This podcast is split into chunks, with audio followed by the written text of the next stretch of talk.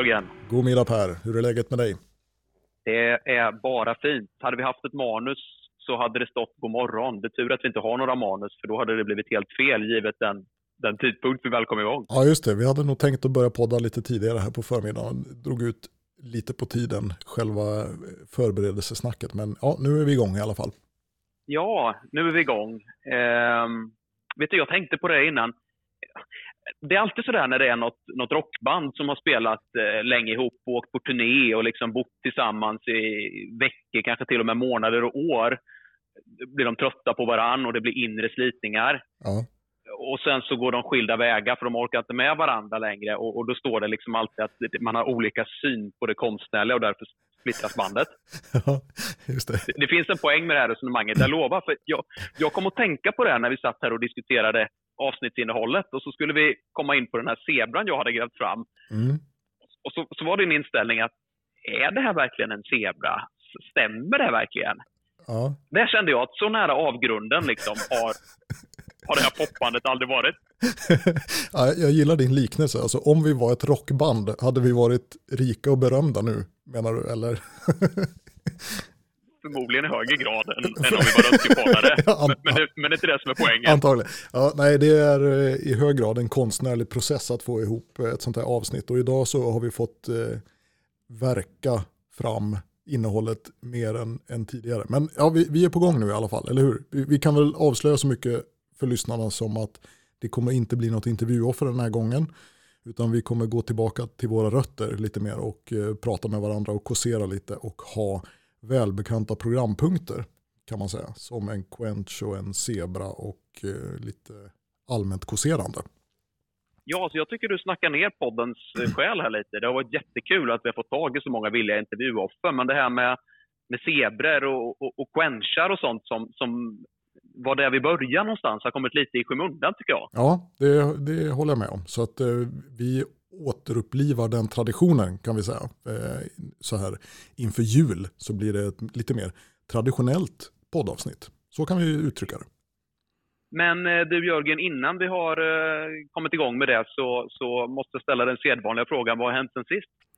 Vad har hänt sen sist? Ja, jag har varit på en kurs i CT Kranskärl som vi ska börja med på, på Gotland.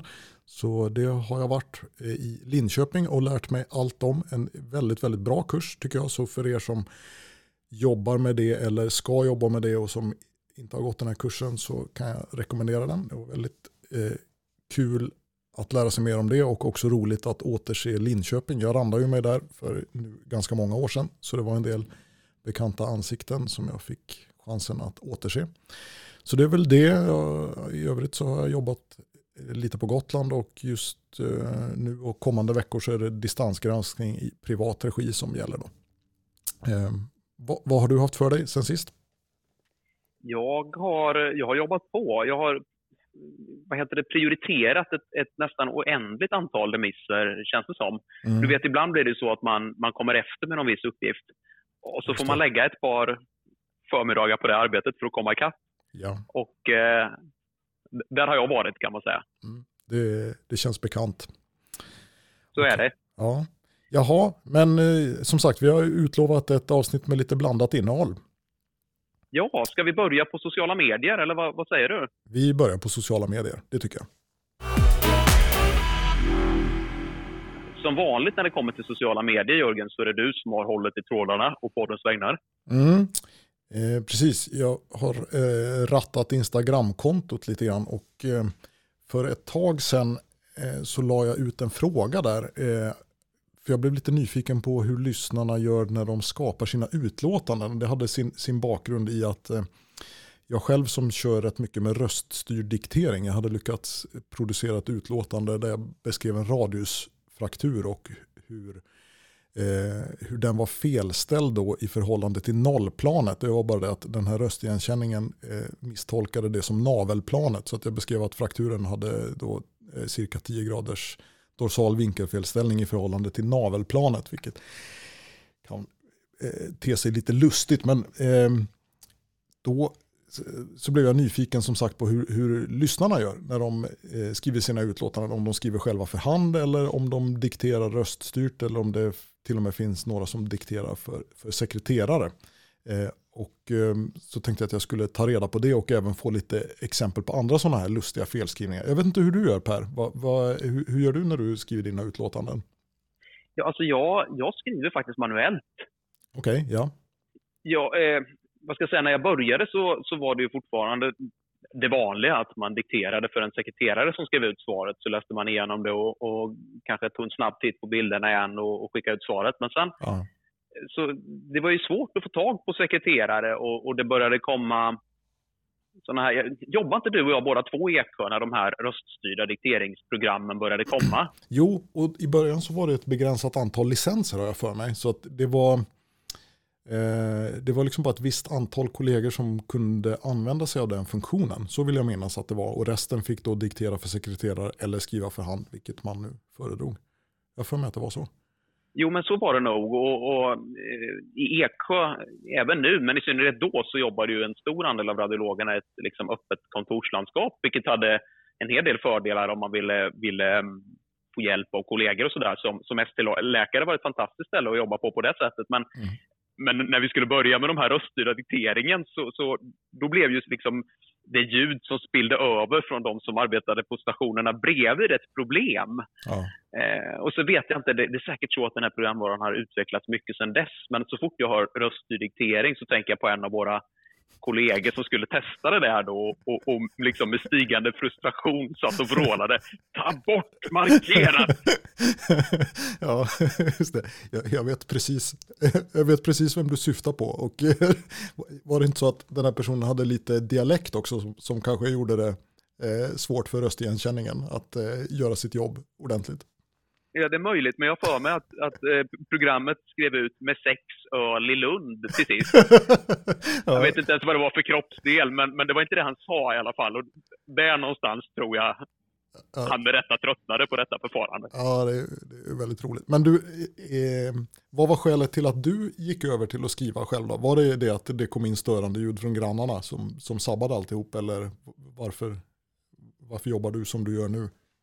Nej, men vad ska jag säga, det där utfallet av det där pilotprojektet du nämnde var väl då inte lysande. Sen tror jag tekniken har gått framåt ganska mycket. Men, men eh, alltså vi skrev ju alltid på jourerna redan innan. Uh Och eh, alltså jag vet inte, jag skriver rätt fort. Det kanske är lite generationsfråga. Vi i IT-åldern, du vet, du tillhör väl den också? Ja. Absolut, men, ehm. men, men, jag tycker så här, för jag skriver absolut fort när jag sitter och skriver själv på tangentbordet. Men jag kan ju inte skriva samtidigt som jag scrollar i bilden och mäter i bilden och, och ändrar fönstersättning och sätter ut pilar och vad man nu gör liksom i bildfönstret. Utan det är det jag tycker personligen är den stora fördelen med att diktera. Att jag liksom gör det samtidigt som jag tittar på bilden och, och scrollar så att jag liksom gör två arbetsuppgifter samtidigt. Medan om jag ska skriva för hand då, då får jag liksom scrolla lite, jämföra lite, byta fönster och sen måste jag liksom byta fokus och titta på, på utlåtandefönstret och sätta mig och skriva och sen gå tillbaka till granskningsarbetet istället för att göra dem båda parallellt. Det, det, där tycker jag att den stora vinsten ligger i att eh, diktera. Då. Men eh, det är väl eh, ja, det är en vanesak och en personlig preferens förstås. Nej, men jag tycker det låter klokt. Jag är nästan förvånad över att jag inte har tänkt på det eh, själv. Alltså jag jobbar ju på distans nu och blir ju ändå ganska ofta man pratar med kollegorna i Eksjö och av den anledningen så har jag skaffat ett par eh, sådana här bluetooth-hörlurar som är kopplade till, till telefonen. Så på så sätt så går det att sitta och granska och scrolla i stackarna och prata väldigt bra om bilderna ja. utan att behöva hålla en telefon. Eh, så då börjar jag fundera på när du dikterar, har du något headset också eller du, du håller fortfarande i en diktafon? Ja, jag håller i en diktafon. Så vänster hand är diktafonen och höger till, till musen och till ja, eventuellt knappande med kortkommandon i bilderna. Då. Ja, just det. Men du, du kan inte förstra om och scrolla och, och diktera samtidigt?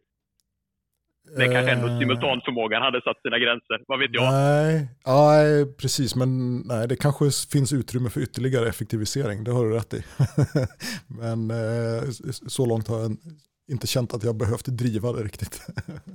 nej, men det är väl, kanske, det är väl mest en, en fråga om vana, tror du inte, eller? Jo, men det tror jag. Men alltså, saken är väl den att om man på något sätt blir bekväm med att använda ett sånt här röststyrt dikteringsprogram och mm ska jag säga, felen är så få och så okomplicerade att man behöver lägga mindre tid på att korrigera dem än man behöver på att växla mellan mellan tangentbord och, och scrollknapp så är det väl en vinst. Du, du poddens eh, tredje medarbetare, vill du säga något eller var det? Ja, precis. Om ni hör eh, någon som låter arg i bakgrunden så är det min hund då, som, som lägger sig i här lite grann. Ursäkta att han avbröt ditt resonemang Per.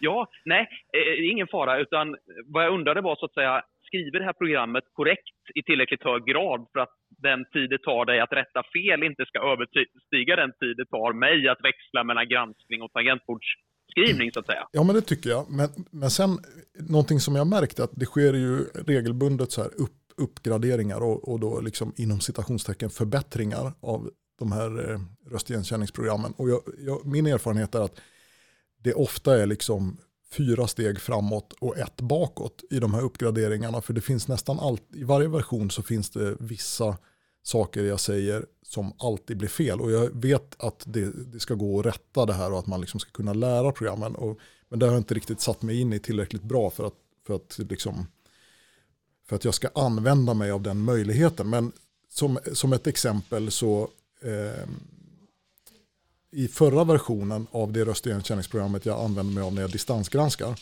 Varje gång jag sa ascites så skrev programmet vars liten dess. Ända tills jag insåg att om jag sa asites istället för ascites, då blev det rätt. Så att då fick jag liksom lära mig att säga ordet på rätt sätt för att det skulle bli rätt i, eh, i utskriften. Och sen till nästa version så försvann det. Då kunde jag säga ascites och så blev det rätt. Men då när jag sa parentes, då skrev programmet ut parentes med bokstäver istället för själva skiljetecknet parentes. Vilket är ganska irriterande. Eh, och sen har det kommit en ny version, då har det försvunnit och nu har jag inte riktigt upptäckt vad den gör för misstolkningar nu i den aktuella versionen, utan den funkar ganska bra tycker jag. Men det blir lite, lite så här, en del fel lär man sig ju att då får man liksom parera, göra lite så här karatefintar för, för att få bort det var ändå tur att du avrundade med att senaste versionen är bra, för jag kan säga du, du hade mig inte övertygad innan dess i din, Nej, men det där, utvärdering. Det där med jag sa med, med parentes, det var ju så störande så att det lyckades jag faktiskt gå in i någon meny och, och lära den att när jag sa parentes så ska det stå eh, skiljetecknet parentes. Så det, det lyckades jag få bort, men eh, jag har glömt hur man gör nu, jag ärligt erkänna. Så att, eh, ja, allting går ju att fintrimma förstås. Men... Men du, eh, vad sa våra lyssnare på Instagram då? Hade du någon, eh, någon omröstning om hur, hur eh, ja, men det hade våra jag. kollegor författar utlåtanden? Precis, det hade jag. Och då, då, fick man, då fick de svara då, det fanns tre alternativ. Jag frågade hur skapar du dina utlåtanden? Och då kunde man svara antingen skriver själv, röststyrd diktering eller diktera för sekreterare. Och vad tror du var det vanligaste? För jag hade verkligen ingen aning vad svaret skulle bli, så jag, jag var lite nyfiken. Men vad, vad, ja, det är ju jättesvårt alltså. Jag fick in, jag ska eh, se, 47 svar fick jag in totalt. 47 svar. Så det var väl inte så mycket statistisk power i den här undersökningen kanske. Men... Nej, men jag tänker lite så här att jag tror att så att säga eh, en liten bias i den här undersökningen är att den ligger på Instagram. Ja, såklart. Och, det tror jag gör att det är eh, många som är glada i teknik och tar till sig nya saker som svarar. Så jag säger väl röstdiktering då. Att det är det vanligaste? Ja. Mm, det var 27 som svarade röststyrd diktering. Så att det, var ju, det blir ju mer än hälften då i alla fall. Jag har inte räknat ut procentsats. Men, och sen svarade 16 att de skriver själva och det var fyra som dikterar för sekreterare faktiskt. Så det, den möjligheten finns ju uppenbarligen kvar. Jag vet inte, får ni ens diktera för sekreterare fortfarande? Alltså jag har ju inte gjort det på flera år. Um, jag tror inte att det är något, eh, något eh, förbud så, men det är klart att det är ont om sekreterare nu och eh, det finns liksom ganska mycket andra administrativa uppgifter vi behöver folk till. Så att jag tror att man från organisationens sida är glad om, om folk löser det på annat sätt. Så att säga. Ja, just det. Precis.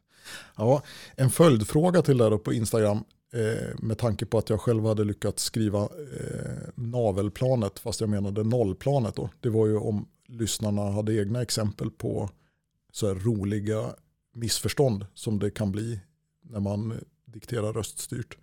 Ehm, har du något, eh, du, du kör ju inte så mycket sånt så du har inte lyckats riktigt klämma iväg något sånt pinsamt dåligt Jo, jag lyckades, eh, jag lyckades signera eh, konkurrent i ballblåsaren en gång. I ballblåsan Och- med B. ja. Ja, om, om det var felskrivet eller fel eh, skrivet av någon som skrev ut utlåtandet vet jag inte, men det föranledde viss, eh, viss munterhet hos den gynekolog som hade remitterat patienten. Det var en gynekolog dessutom. Ja.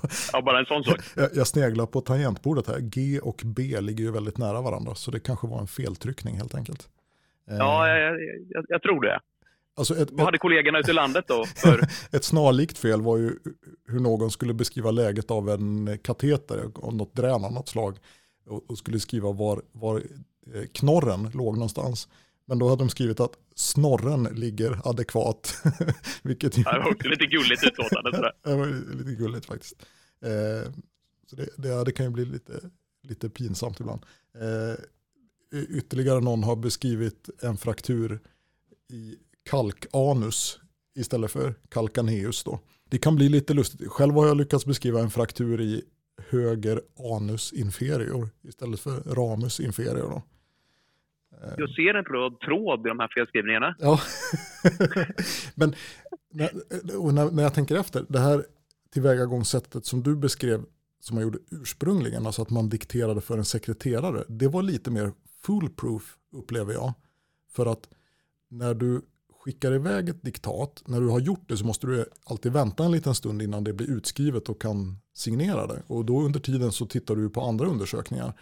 Och sen när du får upp utlåtandet för signering, då är det som att du tittar på det igen med färska ögon. Liksom. Och då, när jag jobbade på det sättet för nu ganska många år sedan, då minns jag att jag liksom samtidigt brukade scrolla igenom eh, bilderna eh, för en, eh, vad ska man säga, en, en andra omgång, liksom, där man kanske tittade på det man insåg att man hade glömt att titta efter första gången. Och dessutom så läste du ju ditt eget utlåtande med nya ögon, så att det var lättare att se det som hade blivit fel då. För det jag upplever nu är att när jag dikterar och samtidigt kommer texten upp på skärmen så är det väldigt lätt att man läser det man vet att man sa. Man tror liksom att det står det jag sa fast det, det står något annat faktiskt. Det är ganska lätt att man missar de felskrivna. Det måste vara något psykologiskt fenomen i det där.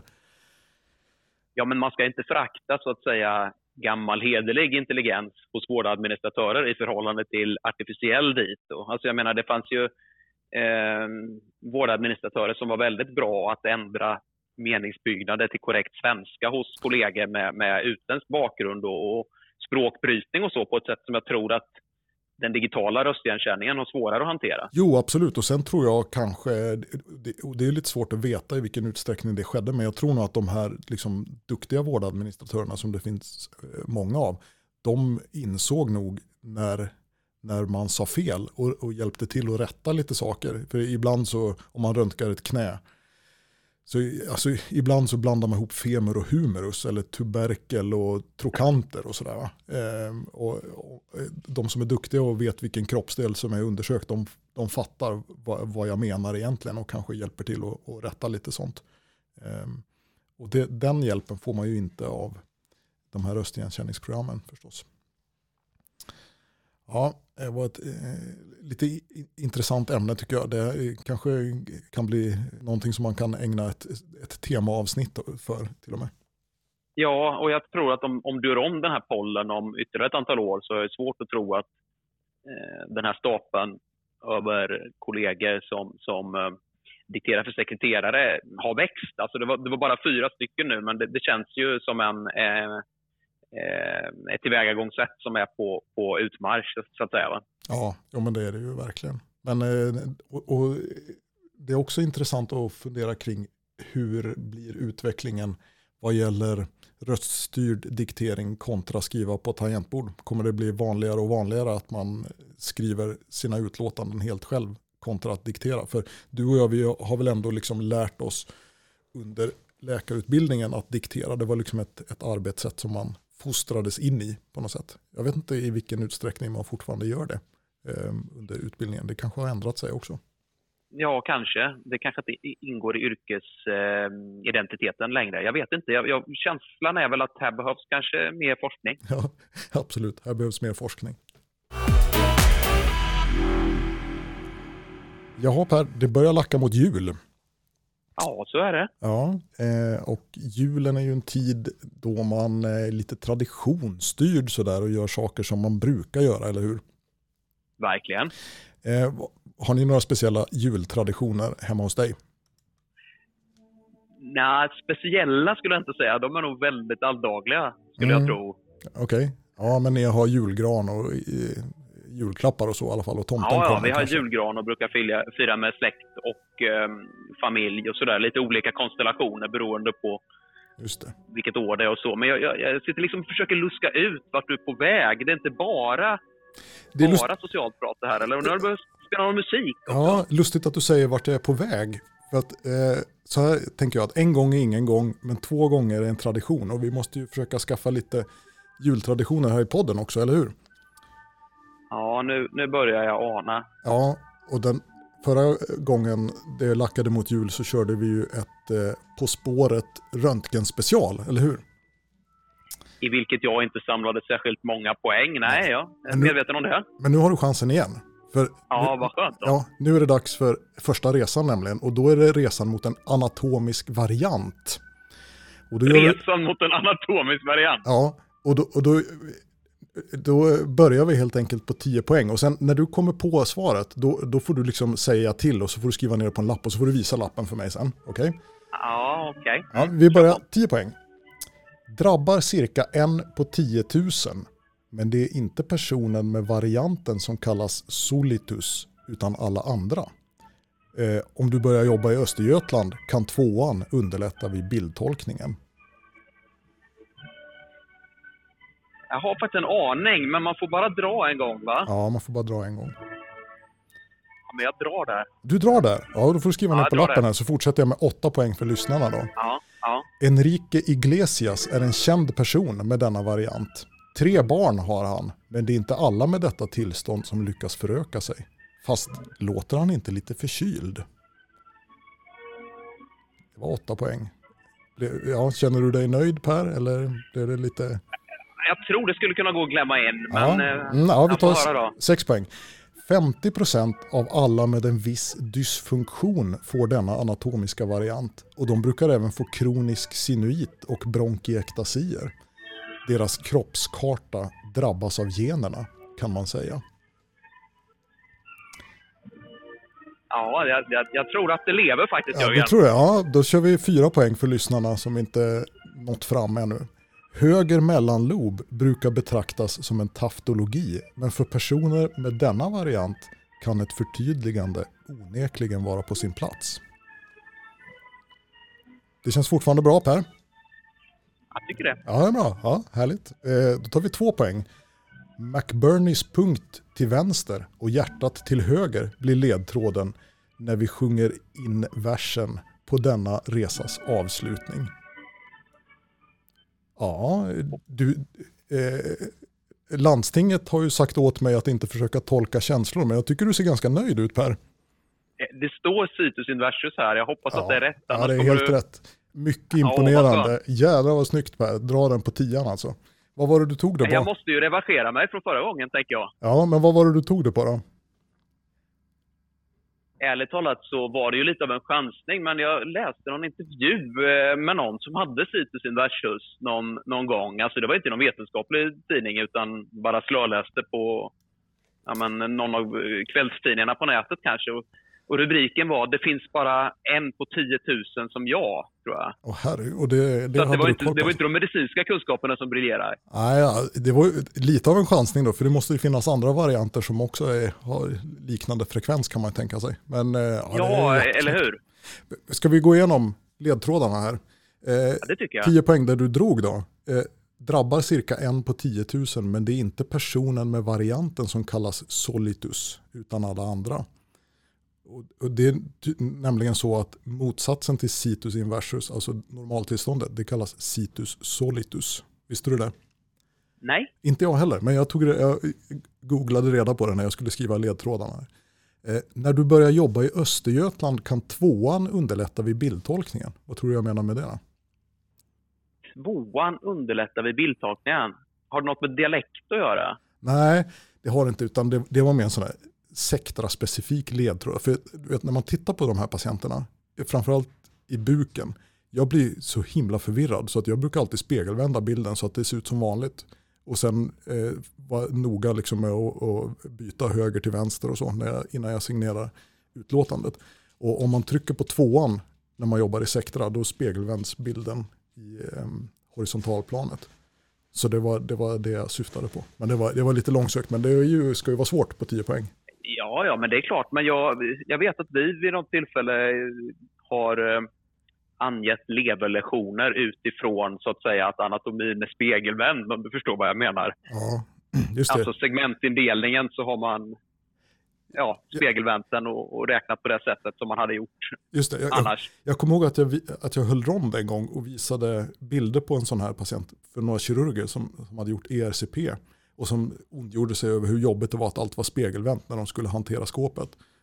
Så jag, men det är ju... Ja, det måste bli svårare för dem. De kan inte bara trycka på tvåan. Nej, det var precis det. Så jag, men vadå, det är ju bara att göra så här. Så jag tryckte på tvåan och spegelvände bilden. Fick inte så många pluspoäng för det. Men, ja.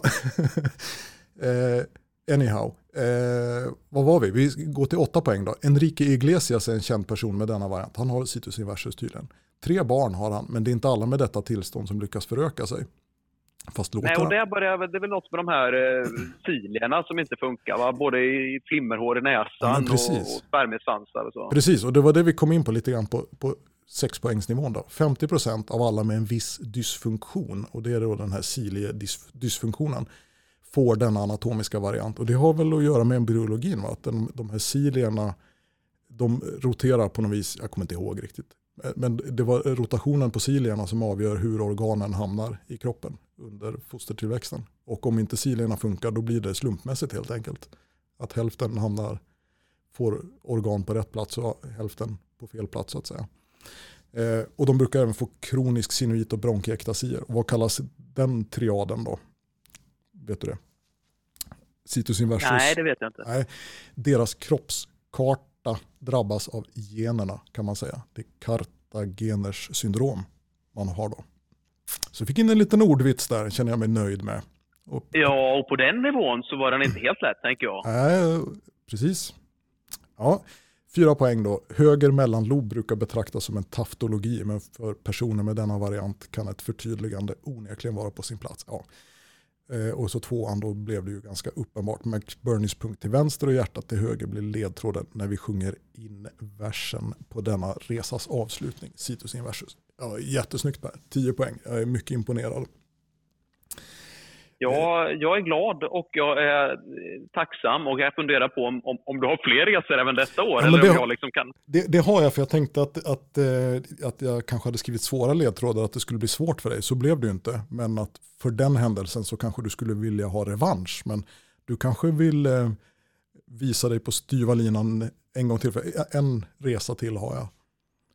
Om vi ska köra Ja, men den. då kör vi. Nu är, jag ju, nu är jag ju i zonen. Ja, precis.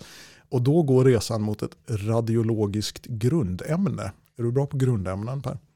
Nej, det är ett radiologiskt grundämne. Mm. Mm. Okej. Okej, så då frågar jag vilket radiologiskt grundämne är vi på väg mot? Eh, 10 poäng. Atomnumret är 82 och densiteten är hög. Tyngre än silver men lättare än guld. Ämnet kopplas i alkemin till den sjätte planeten. Till alkemi. Mm. Radiologiskt. Ja, Ska jag dra här nu då?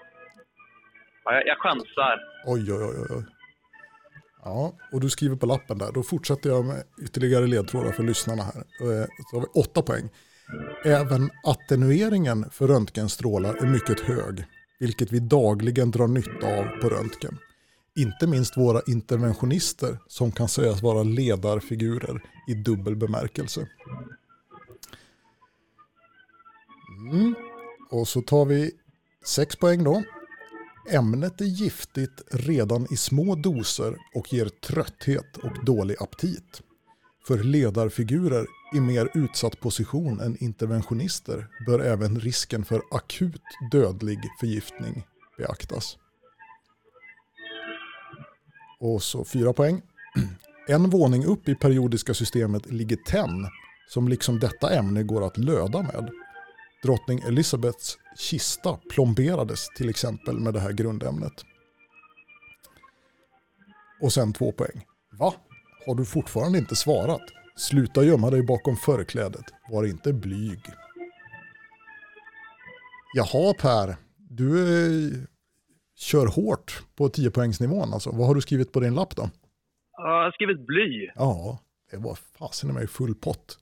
Ja, mycket imponerande Per. Jag tänkte lite så här att ja, vad skulle man annars fundera på för grundämne? Jod skulle man ju kunna tänka sig kanske också. Eh. Ja, och så i värsta fall var jag rädd att det skulle vara något radioaktivt, för det hade ju kunnat, det hade kunnat bli hur svårt som helst. Det finns ju massa... Något IUM-ämne. Ja, precis. Ja. Något sånt som Men... är liksom stabilt i en halv sekund eh, eller så. Men så elakt var det inte att det var det du menar med radiologiskt grundämne. Nej, precis. Men eh, visste du att det var atomnummer 82 eller vad var det du tog det på då? Nej, men det, alltså att det var, det var lättare än guld och det började påpekas. Det, det var ju en god ledtråd tänkte jag. Något, mm. något tungt som har med röntgen att göra. Ja, just det. Och så att det kopplas i alkemin till den sjätte planeten. Det är ju Saturnus då. Och, eh, ja, och alkemi, då skulle man göra, göra just guld av bly va? Ja, ja, bly, man fick väl göra det av vad man ville egentligen. Men, eh, man... Ja, det, det, är klart. Det är klart men, men... man experimenterade väl bland annat med bly. Jag vet inte i vilken mån man lyckades, men bly var kopplat till Saturnus i alla fall. Jaha, och sen var det åtta poäng då. Även attenueringen för röntgenstrålar är mycket hög, vilket vi dagligen drar nytta av på röntgen. Inte minst våra interventionister, som kan sägas vara ledarfigurer i dubbel bemärkelse. Vad menade jag där då? Vet du det? Eh, ledar, är det lead eller? Ja, LED då tänkte jag på. Ja, ja just det. Ja. Ämnet är giftigt redan i små doser, men för ledarfigurer i mer utsatt position än interventionister bör även risken för akut dödlig förgiftning beaktas. Ja, akut blyförgiftning kan man väl säga att man får om man blir skjuten med blyammunition. Det finns ju många ledare som har råkat ut för det ödet. Eh, och en våning upp i periodiska systemet ligger tenn eh, och det går också att löda med. Och drottning Elisabeths kista den löddes ihop med bly. Eh, så eh, om man har hängt med i nyheterna i skvallerpressen på senare tid så kanske man hade nytta av det. Och så har du fortfarande inte svarat, sluta gömma dig bakom förklädet, var inte blyg. Där blev det uppenbart. Men du Per, alltså jag är mycket, mycket imponerad. Eh, och jag bävar för den dagen som du eventuellt hittar på någon motsvarighet för mig. Som, som jag ska ja, det får, väl bli, eh, det får väl bli nästa år, tänker jag. För jag har ju jag har ju nu gjort bort mig en gång och... och ja, men du har ju briljerat den här gången så det var ju Och briljerat en gång, så att nästa år är det väl din tur då? Ja, det blir väl det. Ja, eh, det blir som sagt en tradition som vi får försöka upprätthålla här i podden. Väldigt bra ledtrådar måste jag säga Jörgen. Eh, och det är ju lätt att säga när man... det förstår jag att du tyckte. när man drog så tidigt. Men... Vi får väl se om lyssnarna håller med. Men ja, eh, hoppas att ni lyssnare också hade utbyte av detta och att det gick bra för er med så får vi säga god jul till er. Men, eh, ja, vi ska fortsätta eh, lite senare men eh, det här får väl avsluta På spåret-delen av poddandet. Jaha Jörgen, då har det blivit dags för en, en zebra kanske? Ja, just det. Jo, men vi kom väl fram till att det var det. Eller vi kom ju överens om vad det var. Alltså nu när vi spelar in det så har vi ju inte fått eh, någon hjälp av våra kollegor på sociala medier, men det kommer vi väl förhoppningsvis ha inom kort. För tanken är att lägga ut den här möjliga zebran på, eh, på Facebook innan eh, avsnittet släpps, eller hur? Ja, precis. Det får du väl göra idag då. Och idag, det är den 7 december, så får jag några dagar på mig att klippa ihop avsnittet och lägga ut kanske till på fredag eller så. Då kanske vi har fått lite feedback från lyssnarna om vad de tror. Ja, men det, det låter väl bra. Um, den här möjliga zebran då, jag fick ju inget bevis på det, men det rör ett, ett uh, kateterläge helt enkelt. Mm. Det är ju vanligt förekommande uppgift på röntgen, i alla fall där jag jobbar, att uh, någon narkosläkare har satt en CVK. Ja. Och så vill man röntga patienten för att se så att det här läget är bra och så man inte har orsakat någon pneumotorax uh, eller så, inte sant? Ja, precis.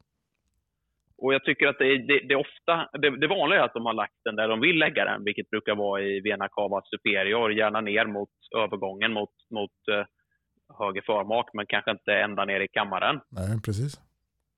Och så finns det ibland uh, mindre krav på exakthet och ibland mer. Men den här bilden tycker jag, jag tycker, när jag, när jag såg den från början så tyckte jag att det var någonting man reagerar på. Liksom. Om man tittar på, på frontalbilden så känns det som att det är en, katetern svänger. Den är axialträffad. Det är väldigt mycket material som bromsar röntgenstrålningen där spetsen ligger. Mm, precis. Så jag tycker att den ser inte ut att peka, peka neråt, utan den ser ut att kunna peka bakåt, vilket stöds också av den här sidobilden, eller hur? Ja, absolut. Och, eh, vi hade lite problem i tolkningen här, för att du eh, körde ju någon sån här teknisk eh, stenåldersvariant och riktade webbkameran mot en annan skärm. Så det blev lite suddig bildkvalitet. Jag hade svårt att hänga med där riktigt hur katetrarna gick. Lite eh, vådan av att podda på distans. Men sen så eh, skärmdumpade du bilden och, och, och mejlade till mig. Eh, så att, eh, det är väl de du kommer lägga ut då på på Facebook och Instagram som lyssnarna förhoppningsvis har fått chansen att se nu då när de, när de hör det här. Och det är bara att bara hålla med om, om din beskrivning där av kateterläget, men i början så hade jag lite svårt att hänga med i hur det förhöll sig. Men och vad var din tolkning av det här eh, förloppet då på katetern? Nej, men min, min tolkning är att den här svänger bakåt och eh, skulle kunna gå in i vena asigos. Mm. Tror du på det då alltså? Ja, jag gjorde, jag gjorde inte det först, men det var, jag tyckte att, den, att katetern förlöpte väldigt nära bröstkorgsväggen i det kraniella omfånget först och liksom ett tag snurrade jag in mig i vena mammaria och hur det var där, men det går ju inte ihop med hur resten av katetern förlöper förstås. Och det är väl, jag, jag tror att du har helt rätt och det är väl som du säger att den, den ligger i vena asios och så ligger den lite i spänn skulle jag nästan gissa. Att det är därför som den får den där, den där kröken. Jag, jag tror att det är så vi, vi får ihop det bäst. Ja, att den liksom pressar cava superior lite ventralt och sen vänder om och sen ut i asios. Ja, men typ så. Eh, hade du något facit sen så vi vet om det var rätt eller inte? Nej, det är ju det. För när det här fallet dök upp, vilket nu var en ganska lång tid sedan, så jag, jag, jag kunde liksom inte riktigt släppa att den pekade så mycket bakåt. Och då hade jag aldrig hört talas om katetrar i Asigos. Men började googla på det och hittade då en artikel som vi också har lagt upp på sociala medier på, på Learning Radiology, där man beskriver det här att eh, i 1,2 procent av fallen, skriver de, så kan katetern hamna i eh, bena asigos. Och, eh, Mm. Det ska man då känna igen på att, att den så att säga just viker dorsalt här i, i den här höjden strax över höger eh, stambrång. Så jag tyckte det, det stämde ganska bra med, med, med den. Då. Ja. Eh, och i, med stöd av den artikeln så ringde jag narkosläkaren som sa att det var inte bra och så satte man om katetern utan att göra någon, någon CT. Jag kunde inte riktigt motivera dem att göra det för, för röntgenpoddens skull. Utan det, Nej.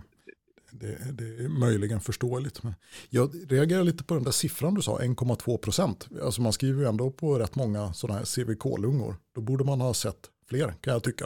Det känns inte som någonting som svischar förbi.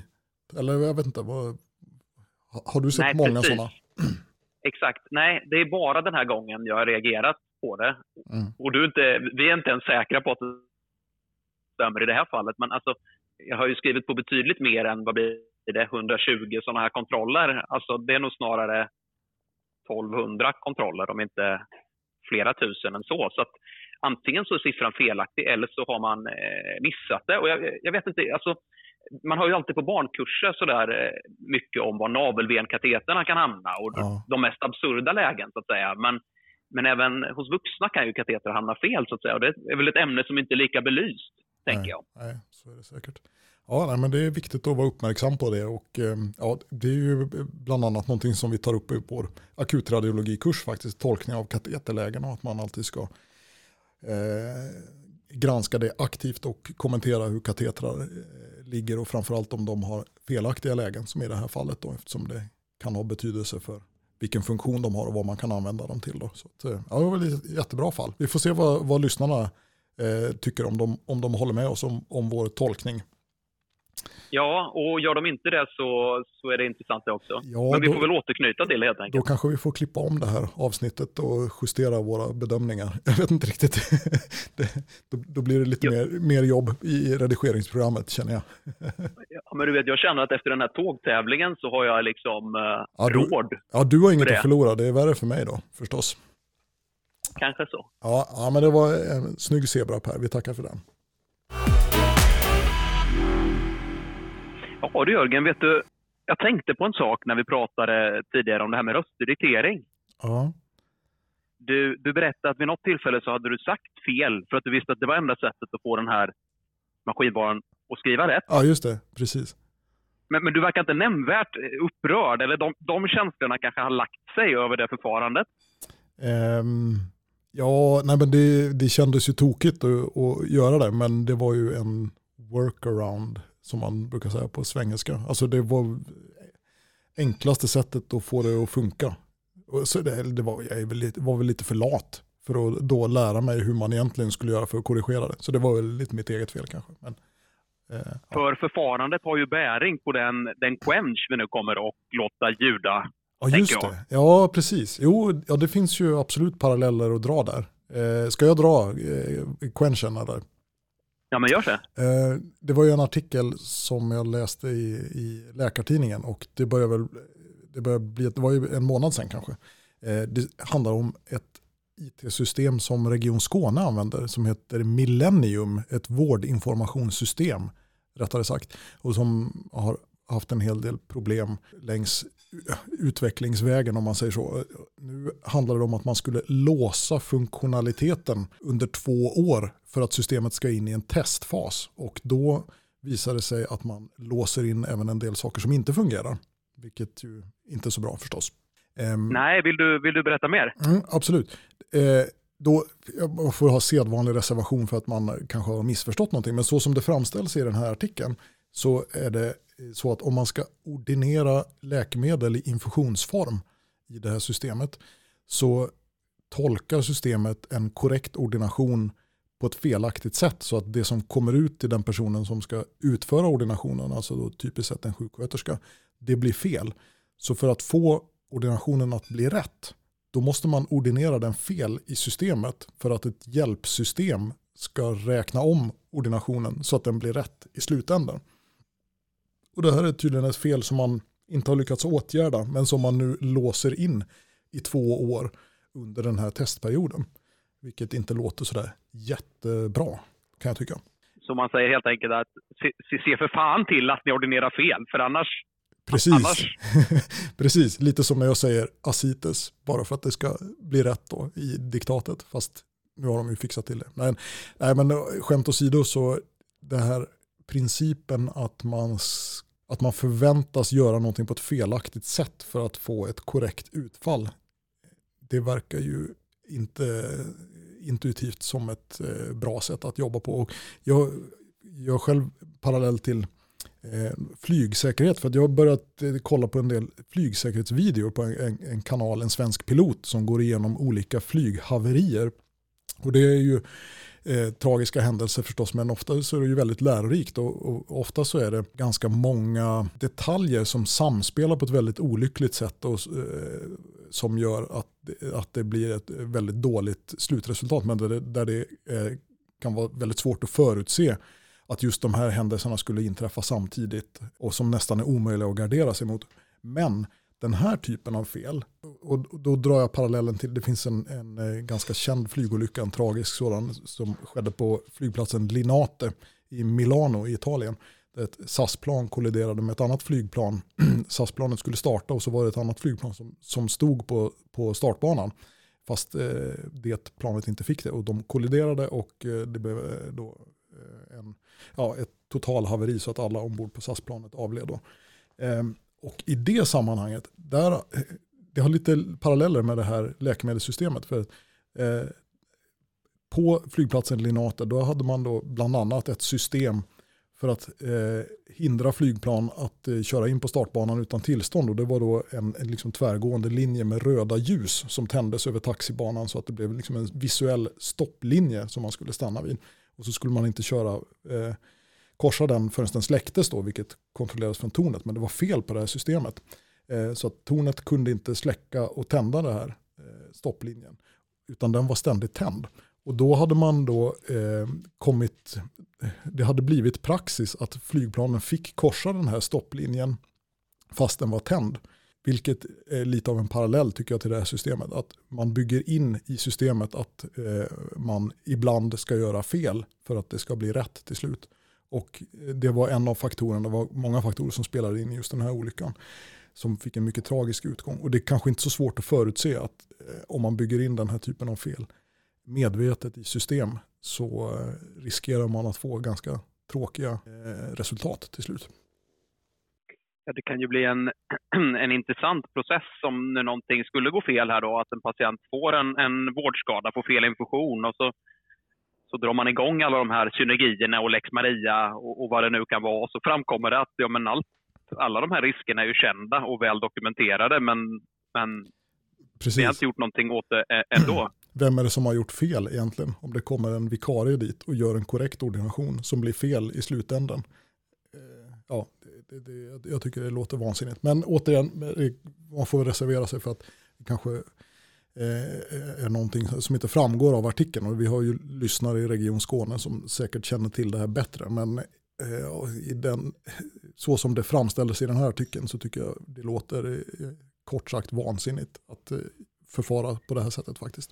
Ja, förutsatt att du inte har missuppfattat något väldigt avgörande så är det väl ingenting som hindrar att vi låter quenchen vina. Nej, det tycker jag. Vi, vi kör en redig quench.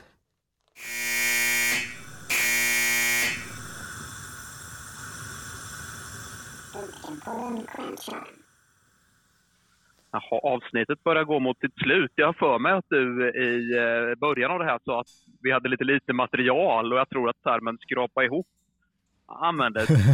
ja, du har säkert rätt. Det börjar bli så länge sedan så jag har redan glömt vad jag har sagt. så, så, så, är det säkert. Men eh, vi har väl lyckats skrapa ihop eh, till, ett, eh, till ett ordentligt avsnitt ändå känns det som.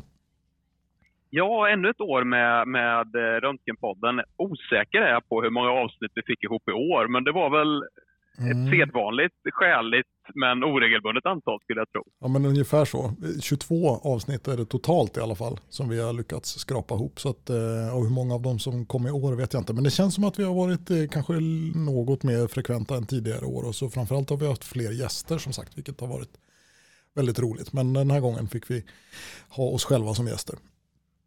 Ja, vi har ju en del uppslag på gäster under kommande avsnitt också, men eh, framförallt så har vi väl tänkt att vi ska göra verklighet av en idé vi har haft ganska länge i podden nu i form av en serie, inte sant? Mm.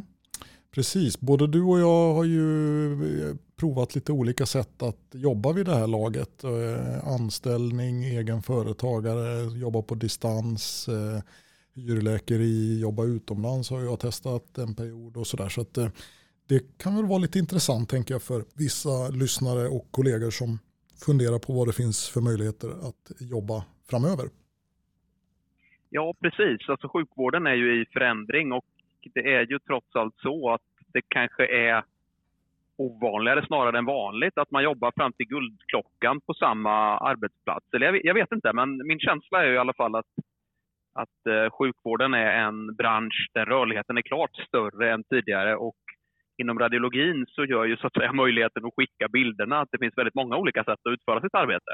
Och det finns mycket att tänka på också då om man ska, man ska driva företag och behöver kunna skatteregler eller man ska ha någon pension förhoppningsvis som man har nytta av i framtiden. Då, då finns det fällor där också så att det finns ganska mycket att tänka på ändå. Alltså regelverken är väl ännu inte riktigt eh, ändrade för den nya verkligheten om man uttrycker sig så. Nej, det, det, är som du säger och det finns verkligen mycket att tänka på. Och, eh, eh, vi satte ju, innan vi drog igång inspelningen här så gjorde vi en liten lista över olika teman som man skulle kunna ta upp och bland annat då pension som du sa och eh, om man jobbar som anställd vad man har för villkor och rättigheter vad gäller ledigheter och semester och tjänstledighet och löner och sådär och eh, då vice versa om man eh, egenföretagare vad gäller det för skatter som du säger, bokföring, eh, moms, massa sånt som kanske verkar främmande för någon som bara har jobbat som anställd tidigare i livet och som kanske känns stort. Så det finns mycket att, att ta upp och vi tänkte väl att vi skulle ägna några av de kommande avsnitten till olika sätt att jobba som radiolog helt enkelt. För och nackdelar och, och vad som är viktigt att tänka på. Ja, precis. Eh, det förpliktiga, men vi kan väl, kan väl redan nu utlova ett par matiga avsnitt och kanske en och annan gäst också, lite beroende på Eh, om vi lyckas synka kalendrar med våra tilltänkta intervjuoffer och så. Ja, precis. Eh, och eh, vi vågar väl inte utlova någon, eh, något tidsintervall när vi ska återkomma. Men eh, däremot så är vi ju väldigt tacksamma för tips från lyssnarna och eh, eh önskemål om specifika frågeställningar som vi kan ta upp i de här avsnitten. Och är det så att det är något speciellt som du undrar över eller tycker att vi skulle diskutera så får, ni hemskt, får du hemskt gärna höra av dig till oss. Eh, antingen då via Facebook eller Instagram, det kanske är det lättaste. Eller så går det alltid att mejla då till rontgenpodden gmail.com. Eh, så ska vi se till att eh, försöka ta med det i avsnitten framöver. Så är det. Eh, slutligen så tänker jag vi skickar en liten tanke till dem som eh, likt mig förra året då har åkt på och jourat på, på helgerna i år som gör att vi andra har förmånen att kunna vara lediga. En extra julhälsning till er, kära kollegor. Mm, absolut, ni är hjältar. Och med det sagt så tackar vi för oss, Jörgen. Ja, det gör vi. Och Eller så, vad säger du? Ja, men jag tycker det. Och så får vi väl önska lyssnarna en riktigt, riktigt god jul och eh, vi får väl passa på att klämma in ett gott nytt år också för det kommer väl knappast ut något avsnitt i mellandagarna eller vad säger du? Ja, vet aldrig. Man vet aldrig. Men gott nytt år ifall. Precis. God jul och gott nytt år allihopa och så hörs vi igen i eten 2023.